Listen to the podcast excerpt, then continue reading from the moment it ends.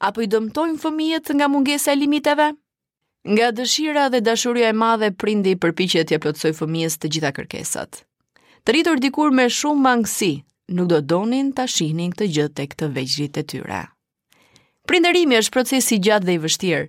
Duhet jo vetëm dije, informacione, por edhe eksperiencë. Çdo ditë e jetës së fëmijës përbën një ngjarje e re ku të dy partnerët duhet të jenë gati. Ashtu si nëna dhe babai njihen me ndjenja të mëdha të dashurisë, përkushtimit dhe mbrojtjes. Ditët kalojnë, Vëmendja nuk shkëputet asnjëherë ndaj kësaj krijese që duket tamam si projeksioni i cilësive më të mira të dy prindërve.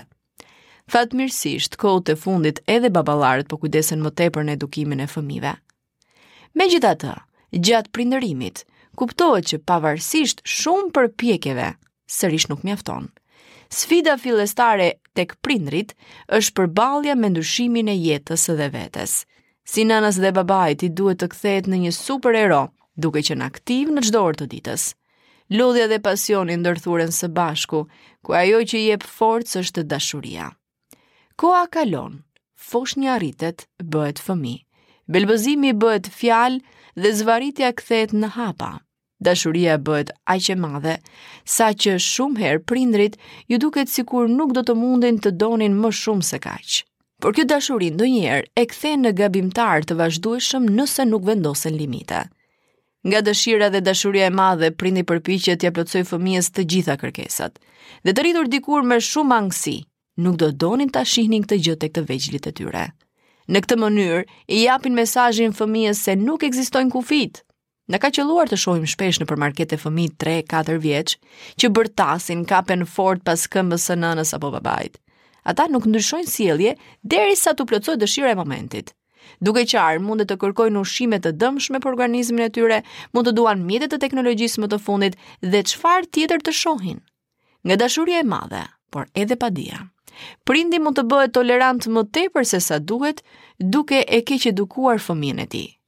Pa rregulla, vogëlushi mund të gjendet kudo dhe duke bërë çfarë do me këdo.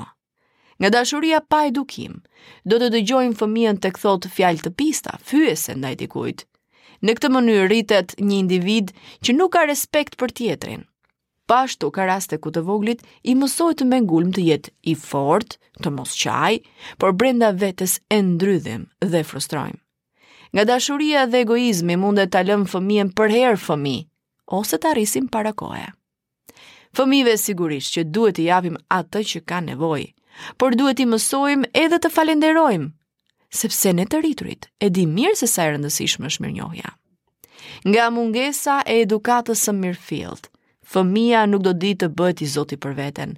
Do të jetë ai individ që të nesërmen do të dojë të fitojë të ardhura me rrugën më të shkurtër, apo do të lodhet duke punuar.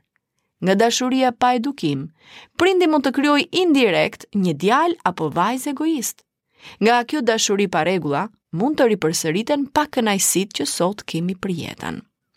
Është e njohur tashmë, që gjatë sfidave të edukimit, nuk është vetëm prindi që ka ndikim plotësisht në formimin e fëmijës, sigurisht janë edhe faktorë të jashtëm, si shoqëria, shkolla, media, e shumë të tjera.